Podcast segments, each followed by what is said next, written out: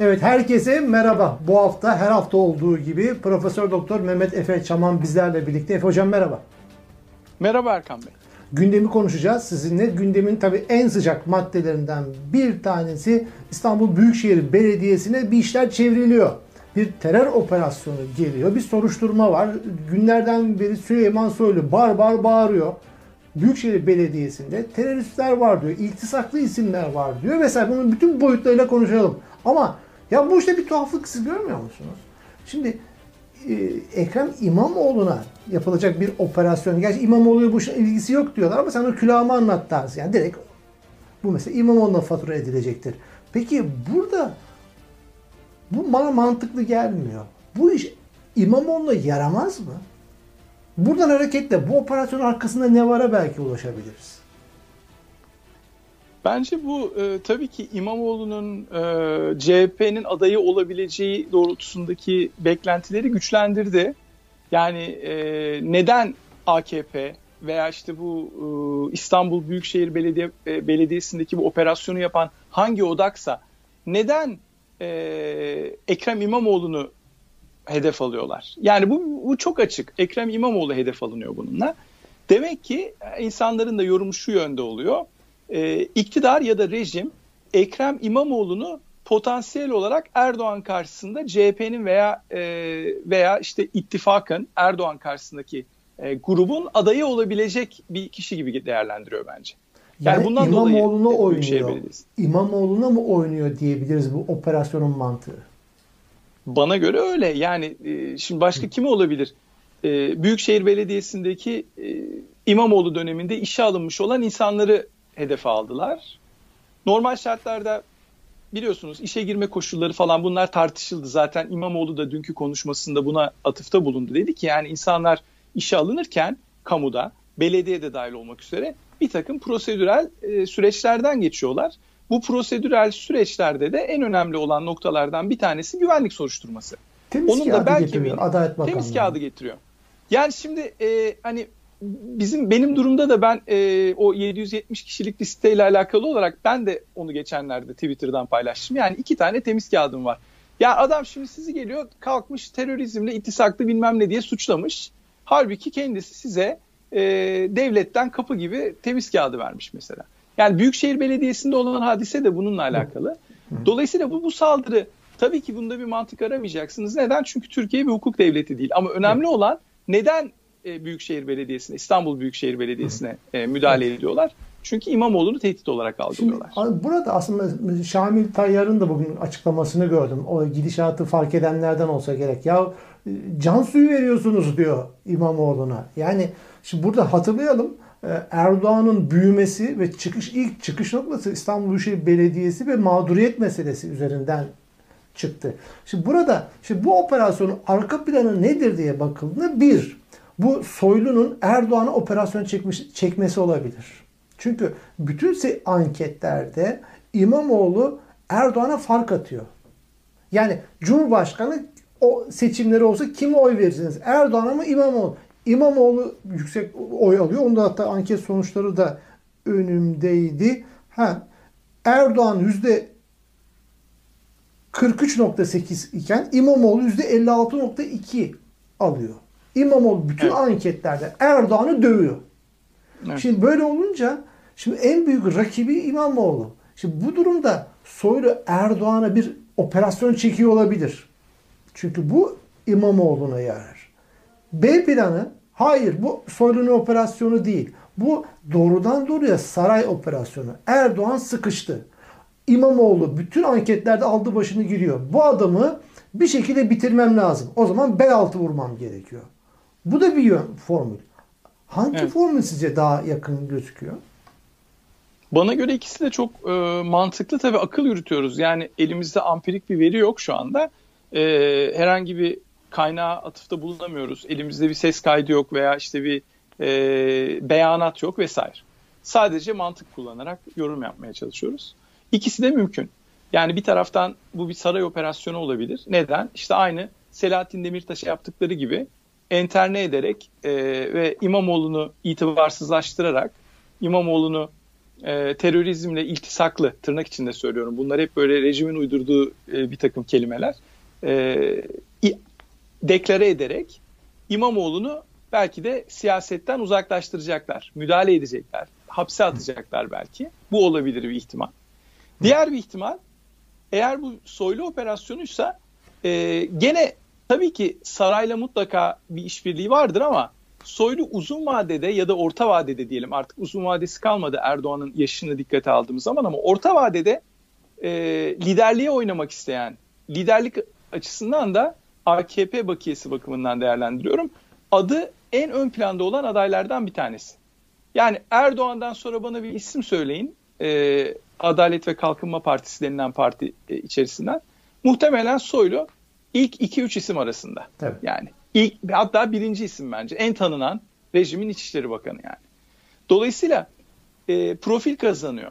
Mesela o en son 770 kişilik e, terörizmle iltisaklı liste yayınladılar ya resmi gazetede. Hmm, Onda da dikkat de vardık o listede. O, o, ikimiz de vardık. Enteresan işte yani kim konuşuyorsa ona hedef almış liste. Fakat burada benim altını çizmek istediğim husus şu. Bu listenin altında da Süleyman Soylu'nun imzası var. Hı hı. Yani İçişleri Bakanı olarak bütün bu içeride yapılan abrakadabra operasyonlarda Süleyman Soylu'yu kullanıyorlar ya da Süleyman Soylu ön planda. Yani Soylu'ya odaklanmamız lazım. Erdoğan opsiyonunu yani saray operasyonu mu büyük şehirdeki bu zaten çok bilinen bir tez. Olabilir böyle bir ihtimal ama Süleyman Soylu tezi üzerinden bence bir analiz yapmakta fayda var gibi geliyor bana. Evet, evet. Yani ya Süleyman Soylu'ysa neye yarar bu? Süleyman Soylu ile alakalı bir kişilik analizi yapmamız lazım. Yani bu adam nasıl bir adam ki e, böyle bir kendine bir kariyer planı yaptı, bir strateji yaptı belki de ve adım adım bu stratejiyi devreye sokuyor. Evet. Belki. Şimdi en çok rahatsız edecek kişi Erdoğan'dır bu operasyonu. Çünkü bu teper. Bu İmamoğlu operasyon, İmamoğlu'na yapılan bu operasyon teper. İlk seçimleri hatırlayalım. İşte bu e, 31 Mart seçimlerinde İmamoğlu %48-77 oy almıştı. Ondan sonra evet. hiçbir şey yok ama bir şey var dediler biliyorsunuz. Evet. Ondan sonra sandık evet. kurullarında yolsuzluk, hırsızlık var dediler. Hiçbir operasyon yapılmadı o sandık kurullarıyla alakalı. Hiçbir şey olmadı. Ama evet. abi seçmen öyle bir cevap verdi 23 Haziran'da tekrar edildi İstanbul Büyükşehir Belediyesi seçimleri. %54.21 ile geldi bu sefer. Yani vatandaş evet. o öyle olmaz böyle olur dedi. İmamoğlu'nun arkasında durdu. Dolayısıyla bu tür böyle ayak oyunları belden aşağı vurmalar meselesi İmamoğlu'nu daha da oylarını arttırır. Bu en çok Erdoğan'ın aleyhine olur gözüküyor. Evet. evet. Böyle bir durum var karşımızda. Peki şeye gelelim Efe Hocam. Şimdi buradaki e, iltisak meselesi var. Evet. Şimdi diyor ki biraz önce de siz ifade ettiğiniz ya ben diyor içi işe alırken diyor İmamoğlu Adalet Bakanlığı'ndan temiz kağıdı. Ben bunu esas alırım. Yasalar da bunu söylüyor zaten. Ben evet. kimin arka yani temiz kağıdı varsa meselesi bitmiştir. Soylu da diyor ki hayır diyor. Bizimle çalışması gerekiyordu diyor İmamoğlu'nun. Bize sorması gerekiyordu diyor. Yani Adamın... böyle bir şey yok tabii. Yani bu bu çok e, saçma sapan bir iddia. Türkiye Cumhuriyeti tabii ki e, ben 2015-2016 döneminden sonraki Türkiye Cumhuriyeti'ni Türkiye Cumhuriyeti olarak kabul etmiyorum. Çünkü o noktadan sonra Muz Cumhuriyeti olmaya karar verdi ama ondan önce yani 2013'ten sonra bile 17 Aralık 2013'ten sonra bile hala devletin bir takım teamülleri prosedürel anlamda işlemekteydi. Devletin kurumsal yapısı anlamında. Yani memuriyet kriterleri çok belli. Türkiye Cumhuriyeti 100 yıllık bir cumhuriyet. 100 yılın da arka planında Osmanlı var. Yani bir insanın nasıl hangi koşullar altında memur olamayacağı veya olabileceği devlet tarafından belirlenmiş.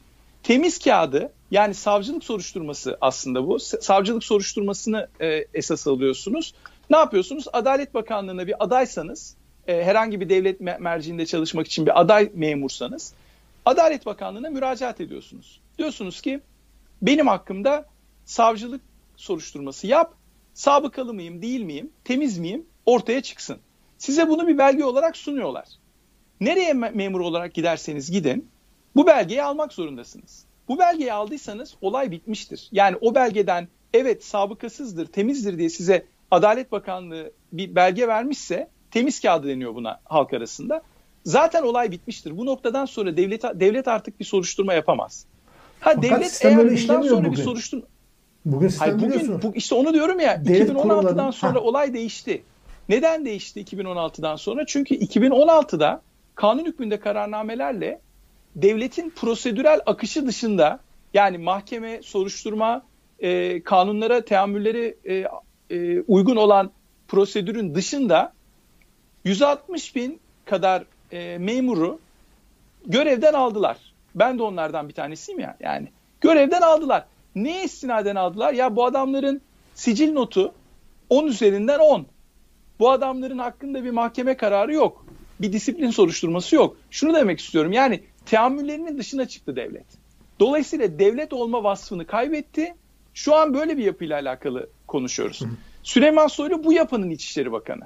Hı. Süleyman Soylu Türkiye Cumhuriyeti'nin İçişleri Bakanı değil. Süleyman Soylu biz... Muz Cumhuriyeti'nin İçişleri Bakanı Onun şu anda. Soylu diyor ki bize sormalıydı İmamoğlu adam alırken. Biz de kafamıza göre bunun çocuğu filancaların okulunda okumuş. Bu bilmem ne. Yani bütün yedi göbek sülalesini o fötümetre bilmem ne DHKP'ci ne, ne uydurabilirse ama kendi yandaşlarını adam bir yerlere sokabilmek için her türlü gayreti yaparlar ama işlerine gelmeyen adamları almamak için de bu tarz böyle şeyler uydururlar. Bizimle çalışması lazımdı diyor.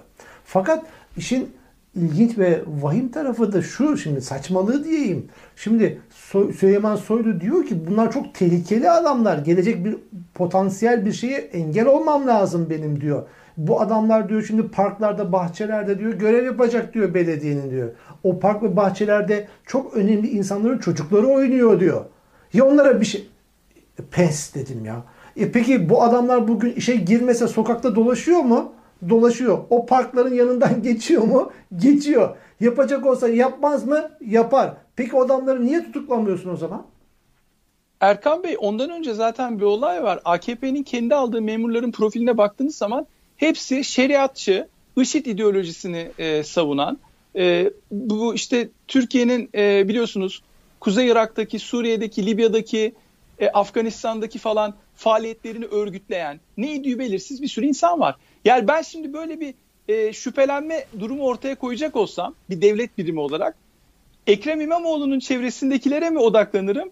AKP'nin çevresindekilere mi odaklanırım? AKP'nin ne yaptığı belli değil mi zaten? Bakın uluslararası raporlar var. Libya'da ne yapıyor mesela? Libya'da ben size söyleyeyim ne yaptığını. IŞİD'lilerle efendime söyleyeyim e, El Nusralılarla işbirliği yapan bir Türk Silahlı Kuvvetleri var. Yani Türk Silahlı Kuvvetleri'ni gönderiyorlar. Oradaki o militan, İslamcı, şeriatçı, e, cihatçı tiplerle bir, bir aradalar. Yani aslında güvenlik tehlikesi varsa güvenlik tehlikesi bizzat AKP kadrolarından kaynaklanır. Yani ben bunu bakın bunu net olarak söyleyeyim size. Hukuken de bunu temellendirebilirsiniz. Yani öyle kafanıza gö- göre insanları terörist ilan edemezsiniz. Ama terörizme bulaşmış AKP'li bir sürü e, önemli konumlarda olan insanlar var. MİT tırlarını hatırlayalım. Yani adam Suriye'deki cihatçılara Türkiye'den silah ve mühimmat gönderdi. Kim yaptı bunu? Bugün rejimin en tepesinde olan adamlar yaptı. Dolayısıyla yani elmaları armutları karıştırmamak lazım. Bizim dengemizi bozdular. Şöyle ki makul insanlarız. Neyin ne olduğunu hepimiz tahlil edebiliyoruz. Öyle bir hava yarattılar ki Türkiye'yi bunlar idare ediyorlar. Türkiye'de ne olup bittiğini tamamen bunlar belirliyor. Öyle bir durum yok. Bakın bu olayları not ediyoruz. Bu olaylar tarihe hep not, ed- not ediliyor. Dolayısıyla İstanbul Büyükşehir Belediyesi'nde yaptıkları operasyon tırnak içinde operasyon değil aslında bir kumpas oluşturuyorlar. Oradaki meşru belediye başkanına karşı. Fakat bu yaptıkları yarın iktidardan gittikleri zaman bağımsız ve tarafsız mahkemeler önünde karşılarına e, siz bu kumpasları nasıl yaptınız, nasıl oluşturdunuz bunların hesabını soracaklar. Fakat İstanbul'a çökmek o günleri... arzuları yani İstanbul'a çökmek arzuları çökmek istiyorlar aslında. Şu İstanbul er... Türkiye Türkiye'dir. Türkiye demek. Yani Tabii. İstanbul'u alan Türkiye'yi alır. Ve Erdoğan yani, İstanbul Büyükşehir e... Belediye Başkanlığı'ndan zıpladı. Yani o muazzam Tabii. vergileri, muazzam bütçeleri, şuyu buyu olan muazzam bir bütçe Tabii. İstanbul. Birçok yandaş medya şunu bunu vesaire şey ihaleler hep oradan besliyorlardı. Dolayısıyla ne yapıp evet, edip evet. Yani, İstanbul'u almaları lazım. Eğer yani anket İstanbul sonuçları onu göstermiyor. değil. Evet. İstanbul sadece yani siyaset anlamında bir strateji değil. İstanbul aynı zamanda akan bir çeşme. O çeşmeden kovalarını olacaklar. Yani İstanbul çünkü Türkiye'nin ekonomisi. Türkiye ekonomisinin %70'i %80'i İstanbul ve çevresi. Tabii. Yani dolayısıyla ellerindeki imkanı kaybetmek istemiyorlar. Bir de işin bu boyutu var. Tabii. Ama ben eğer müsaade ederseniz Soylu'ya biraz odaklanalım diyorum. Yani Soylu çünkü bu e, bu işin sonuç itibariyle e, emir yerine de getirse, emri kendi de verse. Yani araç da olsa, karar alıcı da olsa. Soylu'yu bir şöyle bir analiz etmek lazım. Ben de biliyorsunuz Süleyman Soylu denen, denen adamın 2007 senesinde, 2008 senesinde dış politika danışmanıydım. O zaman Hı. Demokrat Parti lideriydi. Beni Ve yakinen tanıyorsunuz. Büyük, büyük ısrarlarla e, genel idare kuruluna seçtirtti. Yani ben ben istemedim yani gel diye zorladı beni. Şimdi dolayısıyla ben bu adamı tanıyorum. Yani bu adamla yakında bir mesai arkadaşlığımız oldu. Şimdi bu adamın karakterini analiz etmek lazım. Bakın bu karşımızda tek bir kelimeyle özetleyecek olursak yani bir kelime kombinasyonu Machiavellist ve vicdansız bir adamdan bahsediyoruz. Machiavellist şöyle ki yani babasını bile ezer güç için. Vicdansız çünkü değerleri yok. Bir değerler evreni yok adamın. Yani güç için, iktidar için yapmayacağı hiçbir şey yok. Güce aç bu adam. Muhteris. Yani muhteris ne demek? İhtiraslı. Korkunç bir bastıramadığı bir ihtiras var. Aynı zamanda şu anki karakterini törpüleyen bir de bir özelliği var bu adamın. Çok kifayetsiz. Yani kifayetsizliği hani özelliksiz, yeteneksiz, sıradan. Anlatabiliyor muyum? Gri bir adam yani. Hani ne tatlı ne acı. Böyle bir adam. Ve bu adam dolayısıyla çok kullanışlı bir adam. Yani bu tarz adamlar dünyada nerede olursa olsun siyasette, iş dünyasında, akademide çok kullanışlıdır. Neden? Çünkü bu tip adamların ihtiraslı olduğunu bilen daha onlardan daha zeki adamlar bunları bir düğme olarak kullanır. Bunlara basarlar, bunlar da gereğini yapar. Dolayısıyla bir de yani bir burada tipik esas bir... o olan Süleyman Soylu değil diyorsunuz. Arkada esas esas Ama olan ve kişiler. Da, Onu oynatanlar. söyleyeyim. O o düğmeye basan, o kendini oynatan kuklacı var ya, ona da ihanet etmek için her an hazırdır yani. Ha, Neden? Zaman... Çünkü dedim ya Machiavellist ve Machiavellist ve muhteris. Hmm. Yani satmaya hazır. Ya ondan, ondan daha güçlü birinin emrine girer ya da onun yerini almak ister. Dolayısıyla bu adam bu karakteriyle İçişleri Bakanı şu anda. Bakın karakterinin özelliklerini biraz daha çoğaltalım. Merhametsiz, gaddar, kalpsiz, amansız, insafsız, ilkesiz, prensipsiz böyle bir adam bu. Yani dolayısıyla böyle adamlar çok tehlikelidir. Bakın Göbels böyle bir adamdı mesela. Tarihten tarihten bir örnek vermemiz gerekirse Göbels aslında Hitler'den daha tehlikeli bir adam. Neden? Hitler vitrinde gözüküyor. Tabii. Göbels işleri çeviren adam. Yani Göbels kamuoyunu yanıltan, manipüle eden adam aslında Göbels. Ve Göbels gibi adamlar. Dolayısıyla bu rejimin de Göbels'i Süleyman Soylu. Hı hı. Şimdi Süleyman Soylu Erdoğan'a en başta ihanet edecek adamdır. Yani Erdoğan hep böyle bir kol mesafesi bırakıyor dikkat ederseniz. Tabii. Ve Erdoğan onu görevden alamıyor. Ve görevden şeyin, alamıyor. E, açıklaması var şeyin e, Sedat Peker'in e, sarayı dinliyor dedi Soylu için. Şimdi dinler. Dinler. Yani e, orada ne elinde kozlar vardır. Elinde kozlar vardır. Sarayın kozlarına karşı onu söyleyeceği kozlar vardır ve dediğiniz gibi o hırsla, vicdansızlıkla işte işte Erdoğan'ın koltuğunu oynamak ister ve Erdoğan'ı da frenlemek ister ve bu tür operasyonları da derin operasyonları Erdoğan'a yönelik saray yönelik yapar. Şimdi vakitte ilerliyor Efe Hocam. Şimdi CHP'nin tavrına da bir gelelim burada. Şimdi tamam. İstanbul'a çökmek ister mi? İster. Çökmek evet. Çökmek istiyorlar İstanbul'a AKP yeni baştan. Evet. Evet. Yani çökmeyi niye kullanıyoruz? Çünkü seçimde dürüst bir şekilde gelen adama çökme diyemezsiniz. Dürüst bir vatandaş gelirse gelir. Ha, Hayır seçerse... bir de çökmüş zaten. Yani şöyle Erkan Bey sözünüzü balla kessin. Ha. Doğu'da yani Kürtlerin yoğunlukta olduğu illerde nasıl çöktüklerini biliyoruz yani. Ha. Şimdi oraya geleceğim. Yani çökebiliyor.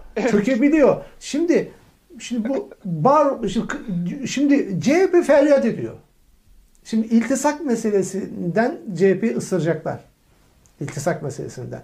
Şimdi bugüne kadar iltisak meselesinde kılını kıpırdatmayan bir CHP vardı karşımızda. Geldi, evet. geldi, geldi. Şimdi onları da ısırıyor. Şimdi işte İstanbul'a kayyum atacaklar meselesi gündeme gelince de dünyayı başlarına yıkarız diyorlar. dünyayı başlarına yıkar. Ya hangi dilde günaydın mı diyeyim, good morning mi diyeyim, gumorron mu diyeyim, hangi dilde söyleyeyim? Yani ya ya bu kadar şehre Şimdi, kayyım atandı. Gıkınız çıkmadı. Gıkınız evet. çıkmadı. İstanbul'a kayyım atanırsa dünyayı başlarına yıkarız. Geç onu baba dedim sen bunu. Geç. Geç. Şimdi ben Bağda size, ben size bir örnek vereyim. Ben size bir örnek vereyim. Bir analoji yapalım. Bir mahalle düşünün. Bu mahallede bir sürü evler var sokakta. Bir sürü de insanlar oturuyor o evlerde. Her gece evlerden bir tanesi kundaklanıyor. İnsanlar feryat ediyorlar, evleri yanıyor. Başka evlerden komşular gelip yardım etmeye çalışıyorlar. Fakat bir evde, en büyük evde, en büyük konakta diyelim, bir aile oturuyor. Bu aile bana mısın demiyor. İlgilenmiyor. Yani sağındaki ev yanıyor, ilgilenmiyor. Karşısındaki ev yanıyor, ilgilenmiyor. Solundaki ev yanıyor, ilgilenmiyor. Arkasındaki ev yanıyor, ilgilenmiyor. En son bir gece bu eve geliyorlar. Bu evi kundaklıyorlar. Bu sefer bu ev, evin sahipleri, o zengin olan, o büyük evin sahipleri çıkıyorlar dışarı. Diyorlar ki, vay komşular bize yardım edin. Vay işte bizim evimizi yaktılar. Ya arkadaş sen başka insanların evi yanarken herhangi bir sesini çıkarıp da müdahale ettin mi? Güçlü olmana rağmen. O oradaki en büyük ev sen olmana rağmen. CHP bu ev işte. Bakın Kürtlere biliyorsunuz belediyelerine müdahale ettiler. Ya bunun lamı cimi yok. Selahattin Demirtaş ve 10 Kürt vekil senelerdir hapiste. Senelerdir ve bu insanlar hakkında Selahattin Demirtaş örneğinden hareket edelim. Bu insan hakkında Avrupa İnsan Hakları Mahkemesi'nin kararı var. Yani çok meşru bir talep var. Adamı bırakın diyorlar. Şimdi CHP bugüne kadar hiç sahip çıkmadı. Onlarca Kürt belediyesi %60, %70, %80'e varan oylarla seçilmiş belediye başkanlarını yerlerine kayyum atayarak görevden aldı bu iktidar. CHP hiç sesini çıkarmadı. E şimdi gelmiş kendisine aynı operasyonu yapan bir İçişleri Bakanlığı var, bir rejim var. CHP sanki bu olay yeni olmuş gibi. Bu olay aynı Boğaziçi Üniversitesi'nde gösteri yapan hocaların meselesine benziyor. Ondan önce kendilerinden önce onlarca üniversitede operasyon yapıldı, rektör atandı, üniversitelerin altını üstüne getirdiler, akademisyenleri attılar, üniversite kapattılar. Boğaziçi hocaları hayatlarına devam ettiler. Ne zaman ki kendilerine müdahale edildi yani bakın bu kendini sol zanneden, Türkiye'deki bu kendini sol ve ilerici zanneden tayfa böyle ilkesiz hareket ediyor. Ve biz bunu bu, bu programlarda Erkan Bey demediysek belki 10 kere belki 20 kere gündeme getirdik sizinle. Türkiye'nin gündemine taşıdık. Dedik yapmayın. Akıllı bir strateji değil bu. Bir yani dolayısıyla bugün, sizi de ısırıyor işte şimdi. Elinde bu daha başlangıç. Bakın Tabii. bu daha başlangıç. Bu, bu, bu sonu değil oyunun. Bu daha başlangıç. Şimdi Çünkü bütün CHP'yi böyle. çuvalın içine koyarlar mı bir şimdi? Ne? Efendim? Bu fütü çuvalın içine sokarlar mı CHP'yi? ya FETÖ, FETÖ'ye koymaz da işte PKK'nın içine koyar. Dev solun içine koyar. Dev yolun içine koyar. Dev gençin içine koyar. Hı hı, ne bileyim evet. Kava'nın içine koyar. Yani başka bir örgüt uydurur. Der ki bunlar e, işte mütedeyyin insanlara karşı bir e, hamle yapmak istiyorlar. Bir operasyon yapmak istiyorlar. Sivil darbe yapacaklar falan. Yani Pandora'nın kutusunu açmışsınız artık. Pandora'nın kutusunu açtığında yeni kapı ruhu dediniz. Erdoğan'la sarmaş dolaşı oldunuz. Samsun'da 19 Mayıs'ta Erdoğan'la hatıra fotoğrafınız var ya. Bütün parti liderleri orada. Erdoğan'la Hı-hı. beraber. Hepsi Şimdi, orada. Akşener orada. Kılıçdaroğlu hepsi. orada. Yalnız yani Efe Temel Hocam, Bey orada. Şunu da altına çizeydim unutmayalım. Bugün CHP'yi ziyaret etti HDP yönetimi. Kılıçdaroğlu onları kabul etti. Randevu verdi ve görüştü ve birlikte bir konuşma yaptılar yan yana. Fotoğraf verdiler. Bu çok değerli bir fotoğraf. Çok değerli bir fotoğraf. Şimdi buna rağmen Kılıçdaroğlu'nun bu hamlesi beni ben çok değerli buluyorum. Yani bir taraftan şimdi işte e, e, şey içerisinde iltisaklı, PKK'lı bilmem neli bir sürü hikayelerin döndüğü bir operasyonlar yapılacak, gürültülerin yapıldığı bir dönemde Kılıçdaroğlu HDP ile kabul etti ve beraber fotoğraf verdi. Bu çok değerli değil mi? Bana göre değerli ama çok değerli mi? artık kafamda soru işaretleri var. Çünkü bu işler böyle sürekli fotoğraf vererek, kare vererek olmaz. Yani daha geçen gün benim aklımda e, devlet istatistik birimine Kılıçdaroğlu'nun girmek isteyip kapıdan refüze edildiği fotoğraf da var yani fotoğraf diyeceksiniz. Yani güçsüzlük ibaresi bunlar. Ha HDP ile görüşmesi HDP çok değerli bir parti. HDP demokrasiyi savunmaya veya evrensel demokratik değerleri savunmaya en yakın parti bence şu anda. Yani piyasada olan, Türkiye'de olan partiler arasında. Mü- mükemmel mi? Değil. Çünkü HDP içinde de bir grup var işte rejim jargonunu kullanan falan. Ama bu partilerin bir araya gelme eğilimi göstermeleri elbette ki olumlu bir şey. Ben buna buna itiraz etmiyorum. Ama tam bu Benim itiraz dönemde ettiğim... Kılıçdaroğlu'nun HDP'yi kabul etmesi, poz vermesi birlikte bir cesaret işidir aslında. Tam da bu dönemde kaçın kaçın kaçması gerekirdi beklersiniz. Ya bizi aman arkadaş ilişkilendiriliyor ya İstanbul Belediye'ye bilmem ne bunda delil olurlar bilmem. Ha demedi. Birlikte fotoğraf verdi. Şimdi Kılıçdaroğlu şunu ben sormak istiyorum. Kılıçdaroğlu acaba ne kadar CHP'yi temsil ediyor? Şimdi bana diyecekler ki ya adam CHP'nin genel başkanı sen neden bahsediyorsun? Ama öyle değil. CHP'nin içini bilen insanlar Kılıçdaroğlu'nun e, tahayyül dünyasıyla CHP içindeki değerlerin, CHP içindeki güç dengelerinin çok da böyle birbirine uyumlu olmadığını söylüyor. CHP'nin içinde bir grup gerçekten partiyi sosyal demokratikleştirebilecek hamleler yapmak istiyorlar. Kılıçdaroğlu bu grubun lideri. Fakat bir de bir ulusalcı kesim var. Bazıları diyorlar ki ya bu ulusal, ulusalcı kesim etkisiz. Şu anda o kadar etkili değil. Ben çok katılmıyorum bu görüşe.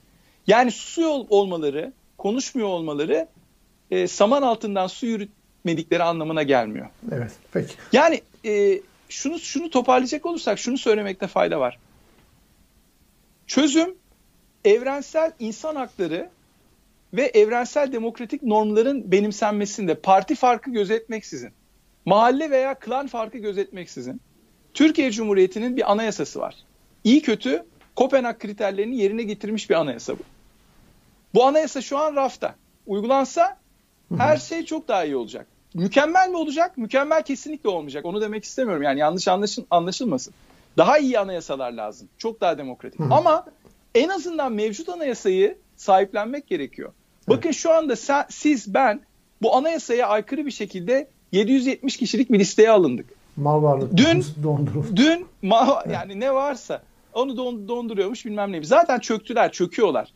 E, onun dışında bakın aynı sistemi, aynı sistematiği e, İstanbul Büyükşehir Belediyesi'ndeki o çalışan insanlara yaptılar, o gariban insanlara. Aynısı yani adamı bir gecede terörist ilan ediyorlar. Ya arkadaş bu adamın elinde sabıka kağıdı var. Yani adam sabıkasız. Devlet buna güvenilir bir insan demiş. Kendi devletiniz, kendi Adalet Bakanlığınız. Adamı işe almışsınız. E şimdi siz yarın uyanıyorsunuz keyfinize göre ya da stratejinize göre bu adamın üzerine gidelim O zaman diyorsunuz. suç varsa orada Neden? İmamoğlu dediği gibi suçu işleyen Adalet Bakanlığı. Hayır şimdi ben aslında mağdur olmuş ve CHP tarafından da böyle dışlanmış bir adam olarak şunu demem lazım. Ya bence mahkemede yargılansınlar. Eğer beraat ederlerse suçsuzluklarını ispat etmiş olurlar. Görevlerine iade edilirler. Eğer kayyum atanırsa da Sayın İmamoğlu eğer suçlu değilse, teröristlere destek olmamışsa masumiyetini e, kanıtlar, belediye başkanlığına geri iade edilir. Yani biz de böyle mi diyelim? Çünkü onlar bize böyle diyorlar. Yani KYK'lılara böyle diyorlar mesela. Diyorlar Tabii. ki ya KYK'lılar var. Git mahkemeye. E tamam biz işte mahkemeden e, beraat etmiş olanları görevlerine iade edelim. Ulan mahkeme ama ya. hangi mahkemeden ilave edecek? Yani ha. mahkeme sirk, sirkten bahsediyorsun. Palyaçolar ve bir sirk. Tabii. Hayır, onlar rejimin istediğini düşünüyorlar. Re- rejimin mahkemelerine güveniyorlar belli ki. E peki rejimin mahkemelerine güveniyorsanız yani bu biraz Nasrettin Hoca'nın kazan doğurma hikayesine benziyor bence. Yani yani kazanın doğurduğuna inanıyorsun da kazanın öldü, öldüğüne inanıyorsun da kazanın doğurduğuna niye inanmıyorsun ya da kazanın doğurduğuna inanıyorsan öldüğüne niye inanmıyorsun yani. Bizim başımıza gelirken KHK'ların başına bu işler gelirken eyvallah kendilerinin başına gelince sanki ilk defa Türkiye'de böyle bir olay olmuş gibi. Kürt belediyelerine adamlar kayyum atarken eyvallah kendi belediyeleriyle ilgili benzer bir problem olduğunda vay anam demokrasi. Ya Dünyayı böyle olur mu? Yıkarız. Sahtekar bunlar ya. Bu, bu bakın bunun adı ilkesizliktir. İlkesizlik yanlış ilkelere sahip olanlardan bile daha kötü bir şey. Kompası bozuk. Adamın pusulası yani hep kuzeyi göstermiyor anlatabiliyor muyum? Bazen kuzeyi gösteriyor. bazen güneybatıyı gösteriyor. E siz şimdi o gemide o pusulayı kullanarak gemiyi normal bir şekilde idare edemezsiniz ki. Hı hı. Evet. Yani peki, bu önemli bir nokta bence. Peki hocam bağlayalım programı ve Soylu'nun şu açıklamasını hani tarihe geçmesi, altına çizilmesi açısından burada bir e, okuyayım. Bu konuyla ilgili dedi ki e, siz FETÖ'cü olduğu için ihraç edilen bir kişiyi kendi şirketinize alır mısınız? Mesaj gönderiyor. Yani e, Peki ben ona bir soru sorabilir miyim? Çok özür dilerim. Yani Heh. lafı geldi. Artık bu lafı etmeden geçemeyeceğim. Heh. Ya arkadaş, beni FETÖ'cü diye 770 kişilik listeye aldın.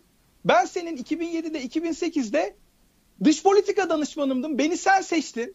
Dibine Beni kadar... genel idare kuruluna aldın. Sen FETÖ'cü müsün? Ben idare mi ediyordum seni? Ben imamın mıyım senin yani?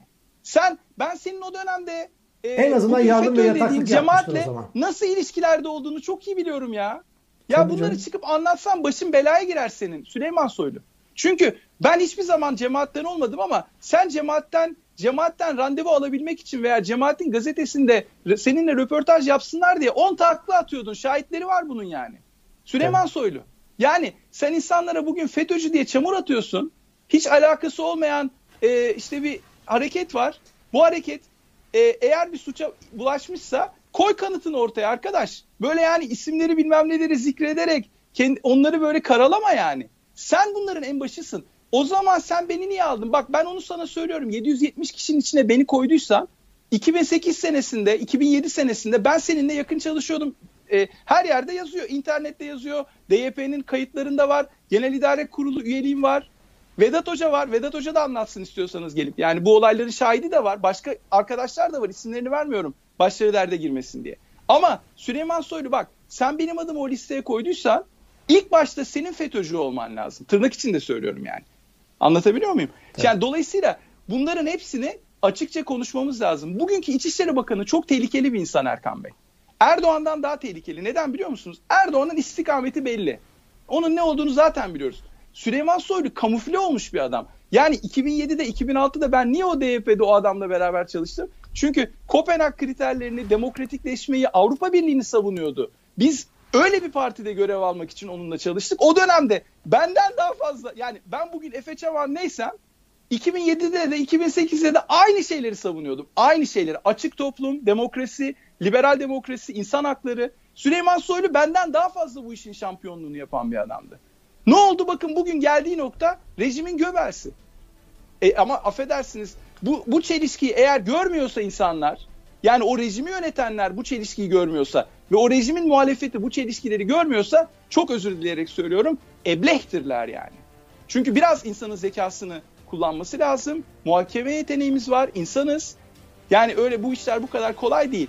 Dolayısıyla sağlam muhalefet değerler üzerinden yapılır. İnşallah bu değerleri artık benimserler. Bu değerler de nedir? İnsan haklarıdır. Türkiye Cumhuriyeti'nin mevcut anayasasındaki yazan değerlerdir ve haklarımız, özgürlüklerimizdir. Değerlerimiz bunlar. Başka değerlerimiz yok yani. Evet, yayınımızın sonuna geldik Efe Hocam. Tekrar görüşmek dileğiyle. Çok teşekkür ederim Erkan Bey. Görüşmek üzere.